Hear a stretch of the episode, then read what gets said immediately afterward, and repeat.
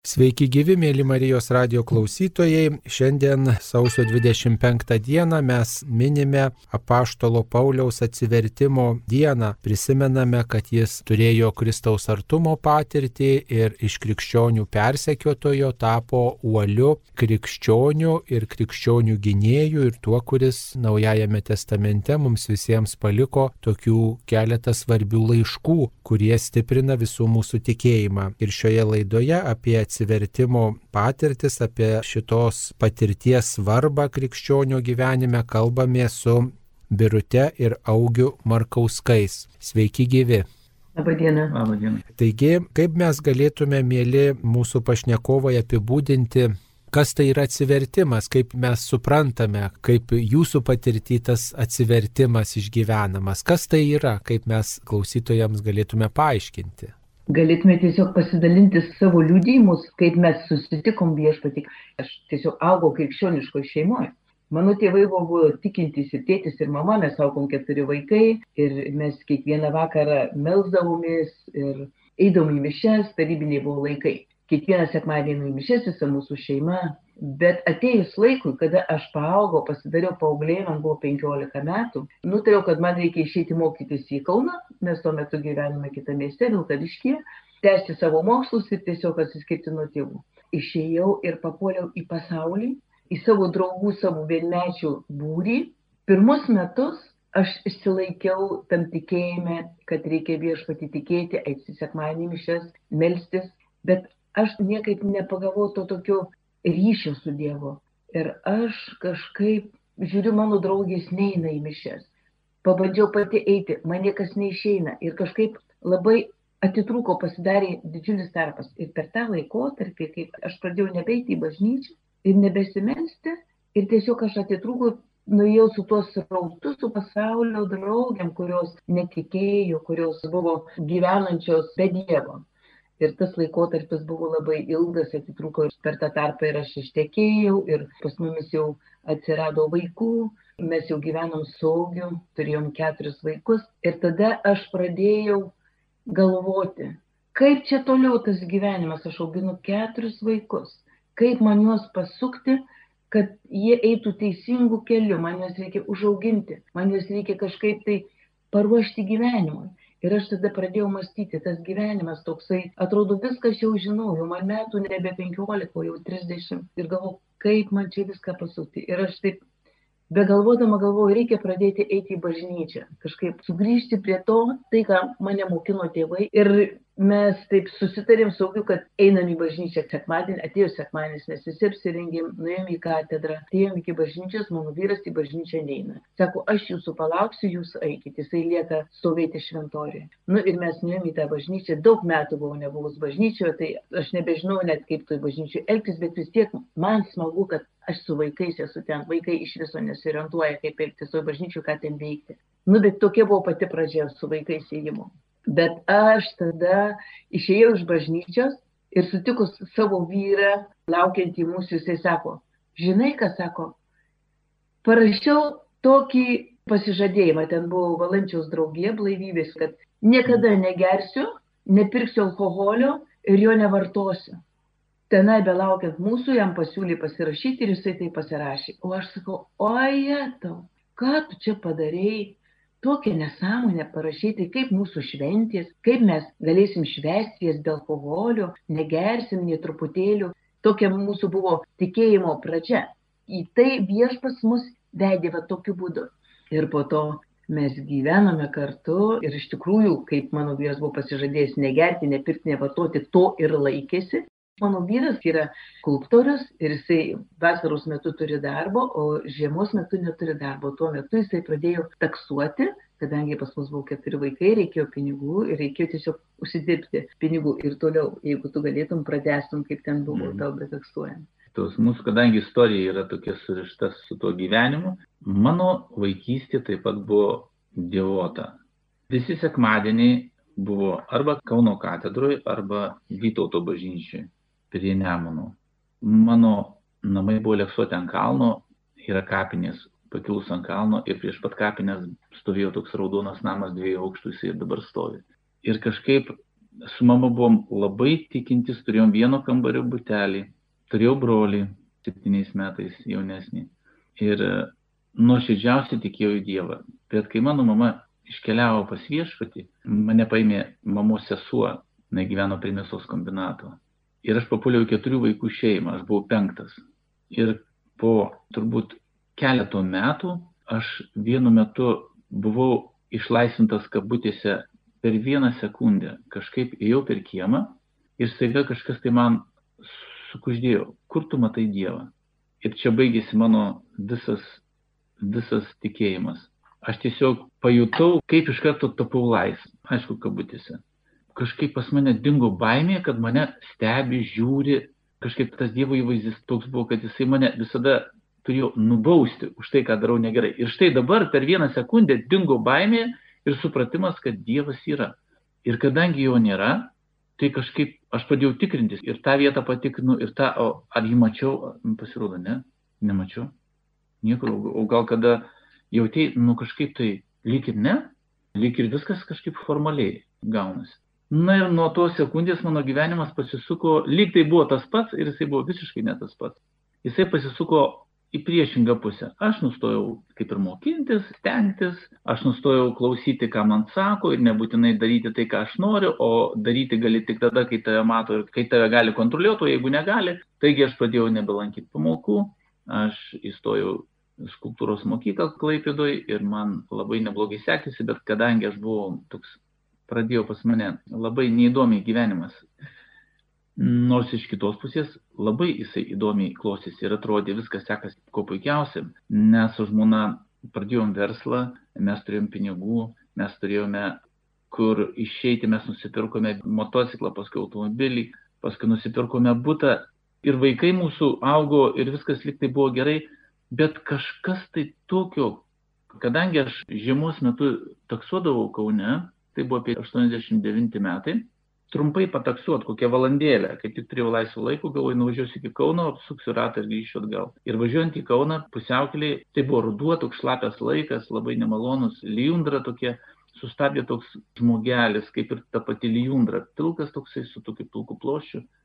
Ir jisai atsisėdo į mano automobilį, kokio 18 metų vyrukas. Va. Ir sako, garbė Jėzui Kristui. Aš galvoju, nu čia dabar, o čia tai jo, negirdėtas dalykas. Tai tu glebonėjai taip gali išsveikinti, bet ašgi taksistas esu. Ir štai jisai, taip sakant, taip ir pasisveikino. Ar tikite Jėzų Kristų man? Nu, galvoju, nuo čia tai atrodo papuoliau. Ir dabar galvoju, ką man daryti. Kol aš galvoju, ką daryti, jisai man sako, ar žinote, kad Jėzus Kristus numirė už jūsų nuodėmės? Sekanti mintis, kuri buvo, aš galvojau, kad papuoliau ne šiaip savo, atrodo, kad rimtai. Ir man tiesiog buvo baisu tarp to, ką jisai klausia ir tarp to, kas jisai iš viso yra. Ir jisai man tęsia toliau, jisai sako, jisai numirė už jūsų nuodėmės, Jėzus. Ir jisai prisikėlė tam, kad jūs gyventumėte. Ir man staiga šovė mintis į galvą. Aš sakau, žinai, aš esu pakrikštytas ir prieės pirmos komunijos. Ir su manim yra viskas tvarkoj. Jisai liktai nebūtų girdėjęs mano žodžių, tęsė toliau.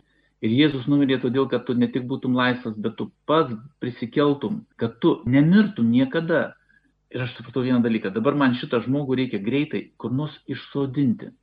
Labai greitai. Bet iki tol reikia kažkaip tai išgyventi. Tai aš pasijutau labai nepatogiai, be galo diskomfortiškai ir sakau, žinai, žiūrėk, bet orą sakau, tikrai nekoks, žinai, sakau, bjaurus, ne? Atsisukęs į jį. Ir jam nimotais, jisai sako, ar žinai, kad Evangelijos žodis turi būti paskeltas visom tautom? Tada sekantis klausimas buvo, kur tave pavežti? Jisai parodė keliuką į Tirkiliškės, sukti kairę, paskui dešinę, paskui vėl į kairę ir mes sustojom. Aš taip atsipučiau, galvoju, dabar jisai išlips. Ir jisai neišlipo. Jisai įsitraukė didžiulį diplomatą, atsidarė jį ir pamačiau tam diplomatę tokių skrajučių. Ir galvoju, čia turbūt bus agentas. Jam 18 metų, kokie 17-18 sako, ar tu nenorėtum pas mus į susirinkimą ateiti? Mhm, galvoju, kabina. Po kurio laiko mes labai trumpai persimetėm ir jisai man sako, ar tu nenorėtum, kad aš už tave pasimelščiau. Pirma mintis, kuri man tuo metu atėjo, kai faina, žinai, jisai už mane melsis, čia kažkoks tai žaidimas. Gerai, sakau. Jisai man tai padėjo ranką ant mano kelio, kairę ranką dešinę iškėlė į dangų ir sako, tėve, prisiliesk prie šito žmogaus širdies ir padaryk, kad jisai pažintų tave ir jisai tęsė maldą savo žodžiais. Ir aš galvoju, wow, o čia tai žaidimas, kaip įdomu, bet pas mane kažkas atsitiko. Ir kai jisai išlipo iš mano automobilio, aš grįžtu namo ir man sunku pažinti, atrodo kelias tas pats, mašina ta pati, lietus tas pats, bet viduje kažkas tai tokio įvyko. Grįžtu namo, o tuo metu mes darėm tokį verslą tuo metu tarybiniais laikais visi kažkaip siuvo, mesgė, pardavinėjo, toks buvo laikotarpis. Ir aš tuo metu tenai dirbau, tam Rusijai, ten tiesiog siuvom tokius mėgstinius. Atėjo augis į tą mūsų siuvyklą, vadinam, o ta siuvykla tai būdavo tai ir keikiamas, ir pirūkyta, ir ta atmosfera tokia buvo juoda ir tamsi tokia. Atėjo augis ir sako, garbė Jėzui Kristui. Mane takis man kaktos išaugo, nu ką jis čia dabar. Ar žinote, ką šiandien buvau sutikęs? Žmogų, kuris kalbėjo man apie Jėzų, kad jisai numirė, prisikėlė dėl manęs, kad mane prikeltų amžinam gyvenimui. Ir jisai pradėjo mums skelbti Evangeliją. Ir aš taip klausau, išvertus akis ir galvoju, kokia gėda, kokia gėda, ką jis čia šneka, kaip čia niekas nedėra, kaip čia nešvaru, kaip čia ir ta atmosfera, ir man Jėzų žodis, jisai turėjo atitikti tą švarą žmogaus vidaus aplinkos sąžinės, o čia viso to nieko nėra. Ir, ir žinot, ką sako jisai, mane pakvietė į susirinkimą ir susirinkimas vyksta ten tokio ir tokio salėje, tokia ir tokia valanda, ten galiu ateiti ir gali kas nori ateiti į tą susirinkimą. Ten bus šlovinamas Dievas ir kalbam apie Dievą. Galvoju, oi, o ta mano viena draugė sako, aš, aš, aš labai noriu, aš labai noriu į tą susirinkimą. Ir jinai kažkaip užgožė mane ir galvoju, aš noriu, bet jisai manęs nekviečia ir aš tenai nedrįstu verštis per jėgą, kad eiti tenai į tą susirinkimą ir, ir kadangi jinai pirmą išėjo, nu ir vienu žodžiu, atėjo kitas tas sekmadienis, jisai išvažiavo į tą susirinkimą, įsivežė tą draugį, jisai grįžęs vėl vaikščioja pakilėtas, toks kalba apie Jėzų, gėda giesmės ir mane viduje toks pavydas ima ir pyktis kartu ir pykstu. Ir vienu žodžiu, atėjo kitas sekmadienis, aš jau šiaip netai pati irgi įsibraunu į tą susirinkimą salė nedidelė, ten koks gal šimtas žmonių panašiai. Prasideda šlovinimas, iškėlė rankas, pradeda šlovinti Dievą ir aš staiga pamatau, o Dieve, kaip aš norėčiau į šitai įeiti ir šitai gyventi tuo tai, ką jie čia dabar daro. Ir tiesiog mano šitis taip apsidžiaugiai pamačius tos žmonės ir aš labai užsinorėjau tai daryti. Ir tada jau po šlovinimo, po Evangelijos paskelbimo, ten buvo toks trumpas mokymas apie Jėzų, Ir buvo toksai Jėzaus išpažinimas. Kas norite išpažinti Jėzų Kristų savo viešpačiu, išeikite į priekį. Aš pirmą iššokau į tą priekį, ten išėjau keletą žmonių, net nežiūrėjau kiek, nes man taip norėjusi priimti Jėzų į savo gyvenimą, į savo širdį, jį išpažinti, jį pažinti, kad aš tiesiog net nežiūrėjau, ar ten gėda, ar negėda, ar ten kas eis, ar kas neis, nes mano širdis dėl to tiesiog degė, aš to tiesiog troškau ir norėjau. Tai tiesiog išpažinau ir tada buvo toks pasakymas, kad kartokit paskui mane, kad išpažinkit savo Jėzų, savo gyvenimo viešpačią, atiduokit savo širdį, aš tai ir padariau. Ir kai grįžom namo, pajutau visiškai kitokį gyvenimą, atrodo viskas, viskas pasikeitė mano gyvenime. Ir tiesiog tada prasidėjo mano raugio dvasiniai kelioniai, su Jėzumi ir su tais žmonėms, kurie mus pakvietė išpažinti tada. Ir mes tada pradėjome eiti su ta grupe, melstis kartu. Tai mes visi klaupėmės melstis ir mums buvo labai nelengva, pati pradžia buvo labai nelengva, nes mes pradėjome kalbėti Juozapo litaniją. Ir kiekvieną vakarą būdavo ateina vakaras ir įaugo į mūsų šeimą malda.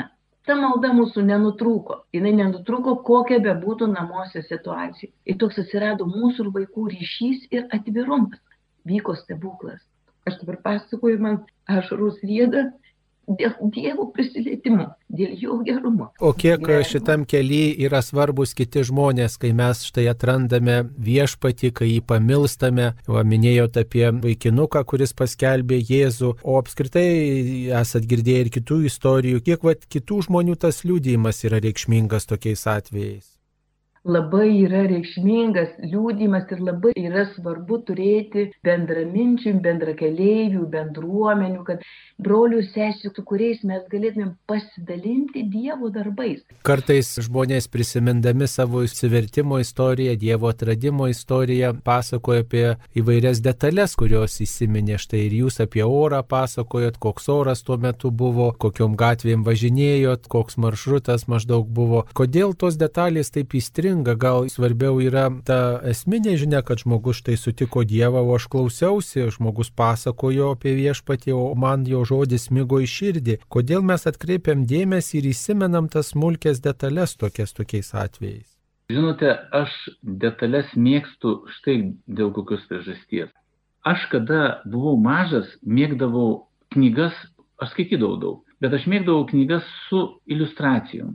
Ir kada aš pamatau prieki knygos iliustraciją, bent prieki, na, tokių kaip kapitono Granto vaikai, tai būdavo kas kokie 50 puslapis nupiešta. Mane tai užkurdavo, uždegdavo ir aš turėdavau peno mąstyti apie tekstą ir įsivaizduoti, kaip veiksmas vyksta konkrečioje aplinkoje, nes mačiau tuos puikaus dailininko nu, nupieštus medžius, žmonės, vabalus, gyvulius, kalnus, dangų, naktį, jų išsigandusius veidus, kelionė nuotykis yra. Ir kita pusė yra psichologinė, 90 procentų mes informacijos gaunam vizualiai. Iš kitos pusės šventam rašty yra daugybė atvejų viešpas galėjo paaiškinti kai kurios dalykus tik tai palygindamas, kaip lapės turi urvus, o Dievo sūnus neturi kur galvos priglausti. Ir daugybė, daugybė mes turim palyginimų, kurie yra vizualizuojami, tikrovė, kurios mes nematome ir kurią jaučiame tik tai širdimi, yra vizualizuojama ir jinai įgauna tikrovišką pavydalą. Mes gaunam kaip tiltą tarp to, ko nematome ir tai, ką matome. Kada aš kalbu apie lietų, va tą aplinką, kurį aš papuoliau, kalbu apie savo savijautą, kada aš išgirdau žodžius garbėjai Kristui, aš pasakoju apie vidų, kurio niekaip nepamatysi, bet aplinka, kurioje aš buvau, tai atspindi mano tam tikrą dvasinį gyvenimą. Lietus, dulksna, vakaras, ruduo, lapai visur ir staiga, kad ir ta pati Tirkiliškių gatvė, kad ir jo vardas, pavyzdžiui, Justinas, tai kažkaip nuleidžia ant žemės duoda tą atramą, nuo kurios gali atsispirti. Man asmeniškai tai yra labai svarbu. Aš netgi labai nuliūsdavau, jei knyga, kurią skaitau, būdavo be iliustracijų. Tai mano asmeniškai gyvenime yra labai svarbus šitas dalykas. O kodėl svarbu prisiminti štai tas mūsų istorijas, galbūt ir pasakoti, jeigu kažkas kviečia arba matau reikalą, kitam žmogui jaučiu tokį paraginimą, bet ir mūsų tokiam vidiniam keliui, kodėl svarbu at prisiminti siks nuo sykio tas tokias istorijas, kai štai pasikeitė kažkas, kai aš labiau pamilau Dievą, kai jis man pasidarė svarbus. Man labai įstrigo, kada aš pasakoju kada aš asmeniškai apie save, kada aš pasakoju apie savo atsivertimo istoriją, aš tada suprantu, kodėl žydai visada mini perėjimų per Raudoną jūrą, pavyzdžiui, istoriją. Ir tai tapo jų tradicija ir švente. Kada aš pasakoju savo istoriją, aš išgyvenu tą pačią šventę savo viduje. Viskas atsigaivina. Ir man kartais atrodo, kad man labiau reikia to pasakojimo negu tiem žmonėm, kurie manęs klauso. Norėčiau tikėti, kad visiems jinai naudinga. Man labai patiko sesers Teresės iš Kalkutos vienas toksai pastebėjimas, kad man šitie vargšai yra reikalingi labiau negu aš jiems. Tai šitie žodžiai man labai įstrigo dėl tos gilios teisybės, kuris lypi ir to paslapties, sakyčiau, šventumo paslapties, pripažinimo, kad aš taip pat esu vargšas ir man reikia Dievo malonės. Ir aš ją gaunu tada, kada aš skelbiu Evangeliją yra psalmėje žodžiai, prisiminkite viešpaties nuostabius darbus. Neužmirškite. Ai, neužmirškite. Tai neužmiršti, tai reiškia prisiminti, taip štai patyrėt tokį Dievo paraginimą, Dievo kvietimą jį atrasti. O kaip dabar, ar jums tas klausimas yra aktualus, kad štai dabar reikia atsiversti, juk mes ir Evangelijoje skaitom atsiverskite, nes Dievo karalystė čia pat. Ar dar kažkaip galvojat, kad dar labiau reikėtų viešpatį atrasti, dar labiau jį pamilti, arba gal turite tokių patirčių, kurios štai pagilina tą pirmąją turėtąją? Aš turiu labai tokį ryškų prisiminimą iš vienos iš savo išpažinčių. Vytauto bažnyčioje man teko atlikti išpažinti ir kunigas, kuris buvo klausykloje, aš kaip visada atėjau drebėdamas iš baimės ir viską išsakiau, kas mano širdie buvo ir visus darbus, kuriuos aš padariau negerai. Ir kunigas garsiai, garsiai, kaip aš suprantu, man pasirodė, labai garsiai pasakė, ko aš neturiu daryti, kodėl blogai padariau. Ir kaip jisai kalbėjo visą šitą, ir paskui davė nuodėmio atleidimą, aišku, bet kaip jisai komentavo mano elgesį, aš supratau, visi, nu, tiesiog man pasirodė, aišku, visi, kurie buvo bažnyčioje, o joje buvo labai tylu, o bažnyčia buvo pilna, ir visi girdėjo mano nuodėmės, įsivaizduoju, na, toks jausmas, žinai, taip jaučiausi. Aš dar negirdėjau kunigo taip garsiai kalbant. Nu, ir aš tiesiog kaip mane nutvildė nuo galvos iki kojų, tas jausmas dabar visi žinos, koks aš esu. Aš atsikėliau nuo klausyklos ir kaip ne savo kojom einu link bažnyčios centro, man reikėjo pereiti kitą pusę ir aš einu ir kaip ne savo kojom ir vidury bažnyčios atsiklaupiau persižegnot. Aš persižegnojau ir kaip atsistojau tuo metu, staiga tokią malonę užlėjau, aš aš net staptelėjau, žinai, nu, sustingau vietoj. Ir tą malonę šitaip galim apibriežti. Aš supratau, kad visi žmonės esantis bažnyčioje man atleido. Visi.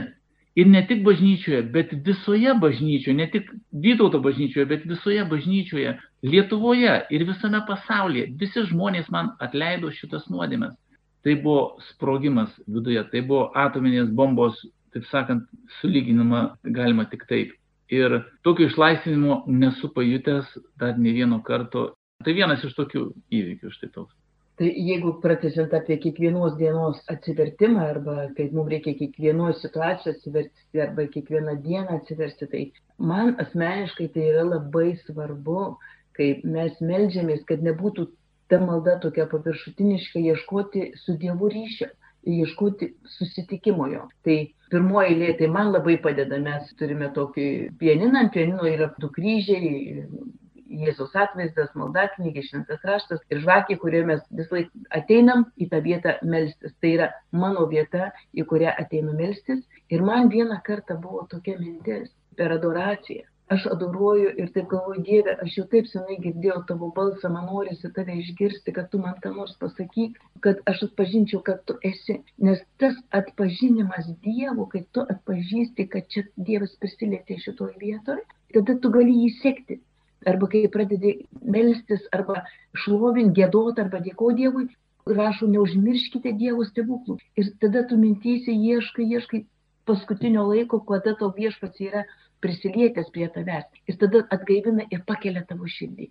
To susilietimo taško, tos vietos aš labai ieškau. Ir jeigu ir adoracijoje, jeigu pratesiant stovi ir prašau Dievę, sakau, nu, noriu kažkaip atpažinti gyviau, giliau tave pažinti, daugiau atpažinti.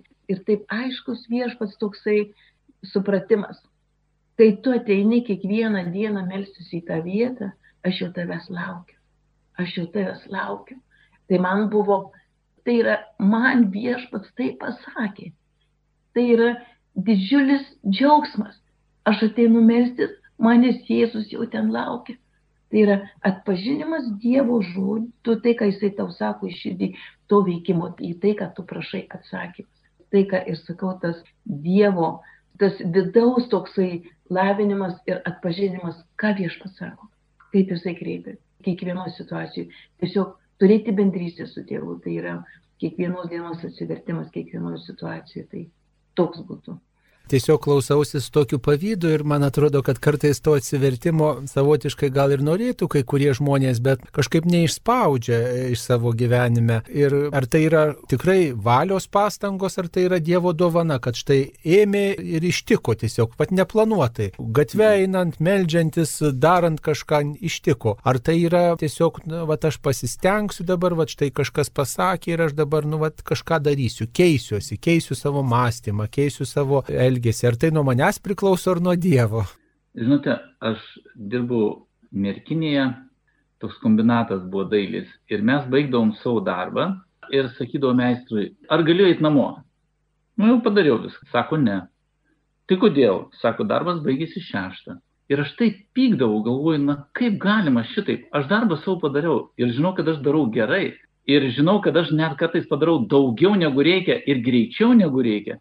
Ir kada paprašau manęs išleisti namo, manęs neišleidžia. O namuose taigi tiek daug fainų dalykų yra, žinai. Ir, ir maldoje, aš pasakysiu, yra labai panašiai. Kodėl mūsų meistras neišleisdavo namo? Kartais iš alytus atvažiuodavo arba iš druskininkų inspekcija. Na, viršininkas jo patikrinti ar gerai daro, ar, ar teisingai atlieka, ten daug smulkmenėlių. Ir mūsų meistras nežinojo, kada atvažiuos tas patikrintojas. Taigi maldoje yra labai panašu.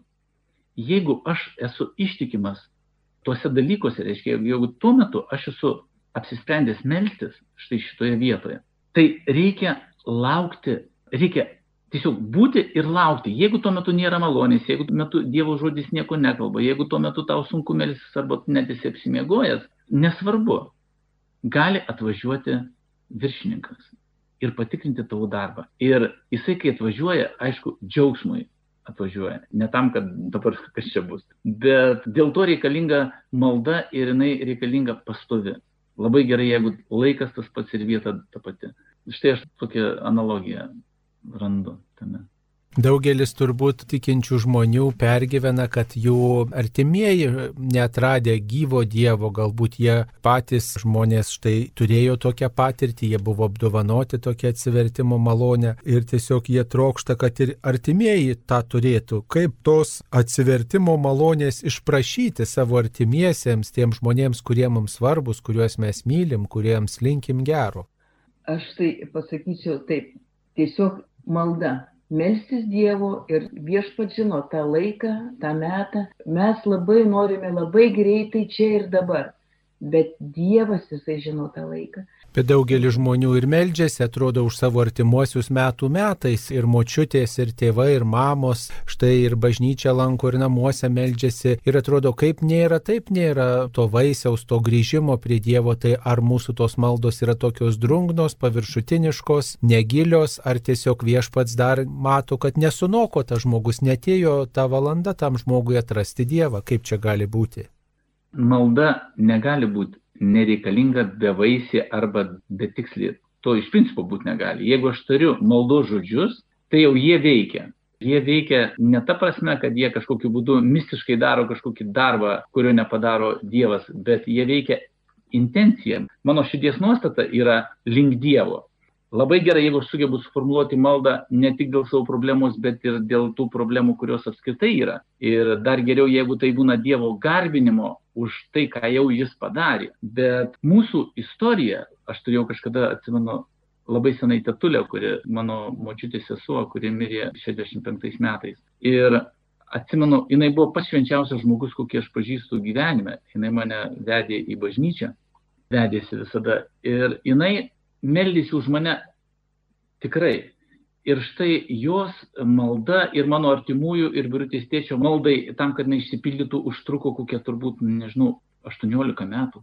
Kai kas atsiverčia, kai žmogus būna jau senas arba jau prie mirties, man atrodo, malda augina tavyje tą Dievo žvilgsnį, kuris mato laiką kaip visumą, o ne įvykį, kuris įvyksta po to, kaip tu baigiai maldą, persižegnoji ir eini pažiūrėti, kas ten atsitiko. Nors tai irgi viešpas ir taip veikia bet tas laiko kontekstas yra labai svarbus. Tai yra pasitikėjimo ženklas, žinai, aš tikiu Dievę, kad tu darai. Ir iš tikrųjų, jeigu nuoširdžiai meldiesi ir atidžiai stebi situaciją, matosi žingsniai, matosi judesys, jį tiesiog reikia atkreipti dėmesį ir pastebėti. Ir turbūt turėti kantrybės, kad vienas Dievas žino, kada ateis tas metas ir pasitikėti, kad tikrai viešpats padarys savo darbą tinkamu laiku, o iš mūsų reikalauja ištikimybės ir tos kantrybės tokios, kokios jis turi apščiai. O kaip manot, ar mūsų krikščionys katalikai ypatingai kreipia dėmesį į tą atsivertimą, tą nuolatinį atsivertimą, į tą prisiminimą štai savo atsivertimo patirties ir apskritai, ar, ar jie svarsto tokią galimybę, kad jiem reikia reikia atsiversti, ypač tie, kurie retai gal lankosi bažnyčioje, kurie tik retkarčiais prisiliečia prie Dievo, ar, ar jie priima šitą tokį kvietimą atsiversti, atrasti gyvą Dievą, atrasti tą Dievo patirtį, prašyti jos, prisiminti, kur jinai buvo, ar tas klausimas tikrai daugeliu mūsų krikščionių yra toks jautrus, aktualus, ar tiesiog jie tai ignoruoja, kaip manot? Aš manau, kad žmonės tiesiog jie nežino, jie tiesiog nepažįsta Dievo, nežino ir nesupranta. Tiesiog trūksta žinių. Aš taip manau, kad labai trūksta. Nes jeigu aš galiu kalbėti apie save, kad pavyzdžiui, kai jisai, ai, apie Dievą, ai, nu tai aš apie jį viską žinau, nu čia viskas aišku, čia bažnyčia, čia Dievas, čia, čia ta prasme, tipo, aš viską jau žinau. Žmonės tiesiog nežino neįsigilina. Jeigu jie šiek tiek pažinotų daugiau ir įsigilintų, būtų daugiau samoningesni, labai reikia, labai reikia sugrįžimo prie pirmosios meilės, prie atsivertimo, prie pažinimo, kur viešpats tave palėtė, kurioje vietoje. Ir dėl ko man reikia, tiesiog manau, kad tai labai trūksta žinių. Aš noriu pasakyti, kad aš asmeniškai pažįstu katalikų, kurie yra, nu, tarkim, nominalai, tai yra Kalėdos Velykos. Bet aš esu įstikinęs, kad jeigu vaikas būna vestas į bažnyčią nuo mažens ir kažkiek ragavęs tos malonės, kurį joje yra, vis tiek žmonės jaučia, išgyvena atsivertimą, jeigu jie eina į bažnyčią. Aš sakyčiau, gal netgi tie, kurie eina kiekvieną sekmadienį. Jeigu tu eini per kalėdas, tik tai, tai tada toks kaip papuošlas, šventės detalė. Bet jeigu eini kiekvieną sekmadienį, aš asmeniškai kaip pirmas iki po savo didžiulio netikėjimo tarpo atėjau į bažnyčią man jinai šiaip visada buvo tokia mistinė vieta, kur kažkas vyksta. Kažkas ten tokio yra, ko, ko niekur kitur nėra. Nei Maksimo, nei parduotuvė, nei pležė, nei, nei niekur. O ten štai yra. Ir kai po šią dieną aš ateinu į bažnyčią ir aš išgyvenu tokią apgaubę meilę, mane apgaubė kažkokia tai neįtikėtino gerumo, neįtikėtino skaidrumo, tokia atmosfera, kuri pripildo kažkaip mane tos tikrovės, tos pilnatvės. Ir tiesiog tuo metu aš būnu, aš tikrai išgyvenu dangų. Tikrai. Ir manau, kiekvienas žmogus, kuris vaikystėje yra ragavęs šito bažnyčios to buvimo, to šalia Dievo, šalia švenčiausio sakramento, tikrai turi išgyventi tą atsivertimą per naują, ateimą vėl prie Dievo kojų, ateimą pas jį. Toks įdomus labai dalykas, aš atsimenu, kaip man buvo 15 metų ir eidavau iš pažinties. Ir po išpažinties man būdavo taip gera, taip gera. Tai buvo Dievo prisilietimas. Aš tiesiog jo šiandien aš sakau, o Dieve, tai ir tavo buvo prisilietimas, aš jo net pažinau, man tik gera, o kodėl gera, nes susivokiau, man trūko žinių, kad tai Dievo prisilietimas. Tai yra nuvalymas tavo širdies, tavo visos praeities, tu vėl gali pradėti dieną iš naujo ir vėl tu gali gyventi pradėdamas. Aš tos kelionės nesupratau, aš kaip atsiverčiau, galvoju, nu ne man šitas kelias, aš nepaėgiu jo eiti, aš vėl prisidarau nuodėmį ir vėl tos nuodėmės tos pačios ir vėl mane apima liūdėsys, aš tiesiog nepaėgiu eiti. Ir tada aš buvau metusi šitą kelionę, todėl kad aš nepaėgiau jų eiti. Man trūko žinių, aš nesupratau, kad tu vėl keliesi ir vėl tu eini, tai yra gyvenimo kelionė. Tau viešpats padeda tai eiti, tu tengiasi išvengti tų nuodėmių, tau viešpats padeda. Tu vėl suklumpi ir vėl tu eini iš pažinties, ir vėl imi komuniją, ir vėl melži Dievo pagalbos. Tai yra kelionė su Dievu viena aš nepajėgiu jos eiti, bet su Dievu vėl galima keltis, eiti, keltis, eiti, tai yra mano kelionė į amžinybę. Tai tiesiog trūko žinių. Tam tikra prasme išpažintis gali būti mums toks trumpas priminimas ir visiems pasiekiamas priminimas, kas gali būti tas atsivertimas, nes kai jaučiam tokį paskatinimą atlikti išpažinti, galima sakyti, kad žmogus kviečiamas į tą atsivertimą, kai žmogus nuoširdžiai tą atlieka, vėl jis tą atsivertimą išgyvena, kai žmogus pradeda pasiryžimus, nori gyventi kitaip, tai va štai tie atsivertimo vaisiai jo gyvenime. Tai tam tikra prasme visiems tai yra šiek tiek artima patirtis patirtis, net ir tie, kurie štai galvoja, kas tai yra, niekaip nesuprantu, kas tas atsivertimas, bet žmogau pagalvok apie išpažinti, paklausyk savo sąžinės ir pajusi, kad Dievas tave kviečia. Tai ką dar galėtume pridėti, ko nepasakėme, ką pamiršom, gal pasvarstyti, kas tai yra atsivertimas arba, kitaip sakant, kaip galėtume apibendrinti mūsų pokalbį štai tiem žmonėms, kurie jo klausosi ne nuo pradžių, kas tai yra atsivertimas trumpai. Aš pasakyčiau taip, atsivertimas tai yra susitikimas su gyvuoju Dievu. Kad jis yra kalbantis, veikiantis, vedantis, mylintis ir tai yra pati didžiausia laimė, ką galime gyvenime sutikti. Tai yra gyvą į Dievą ir su juo keliauti savo gyvenimą. Tai yra atsivertimas su Dievu, gyvuoju susitikimas. Ir tai priklauso tikrai nuo asmeniškai tavęs. Ar tu to nori? Tas išpažinimas Dieve, ateik į mano gyvenimą, ateik į mano širdį, aš trokštų tave pamatyti gyvai, veikiantį ir tave atpažinti, kad čia tu esi. Tai yra toks trumpas mano apibūdinimas. Labai retas atvejas, kai aš neturiu ką pridurti prie birutės pasakymo, bet jeigu pridurčiau tai, kaip aš suprantu atsivertimą vieną iš aspektų, tai yra labai svarbu, ne? tai kada aš atinu iš pažinties, aš pripažįstu, kad man reikia Dievo pagalbos. Ir tai būna realus, va, fizinis prieartėjimas prie Dievo. Mėly Marijos radio klausytojai, šioje laidoje kalbėjomės apie atsivertimo patirtis, kiek jos yra svarbios, reikšmingos mūsų gyvenime. Ir šioje laidoje apie tai kalbėjo Birutė ir Augis Markauskai iš Kauno. Jie štai išgyvenę tą patirtį ir su jumis, mėly Marijos radio klausytojai, apie tai dalinosi. Markauskus kalbinau aš kunigas Saulis Bužauskas. Visiems linkime patirti, kas tai yra atsivertimas, gyvojo Dievo prisilietimas, kuris mums mums visiems yra reikšmingas, kad ta tikėjimo patirtis visų mūsų gyvenimą keistų.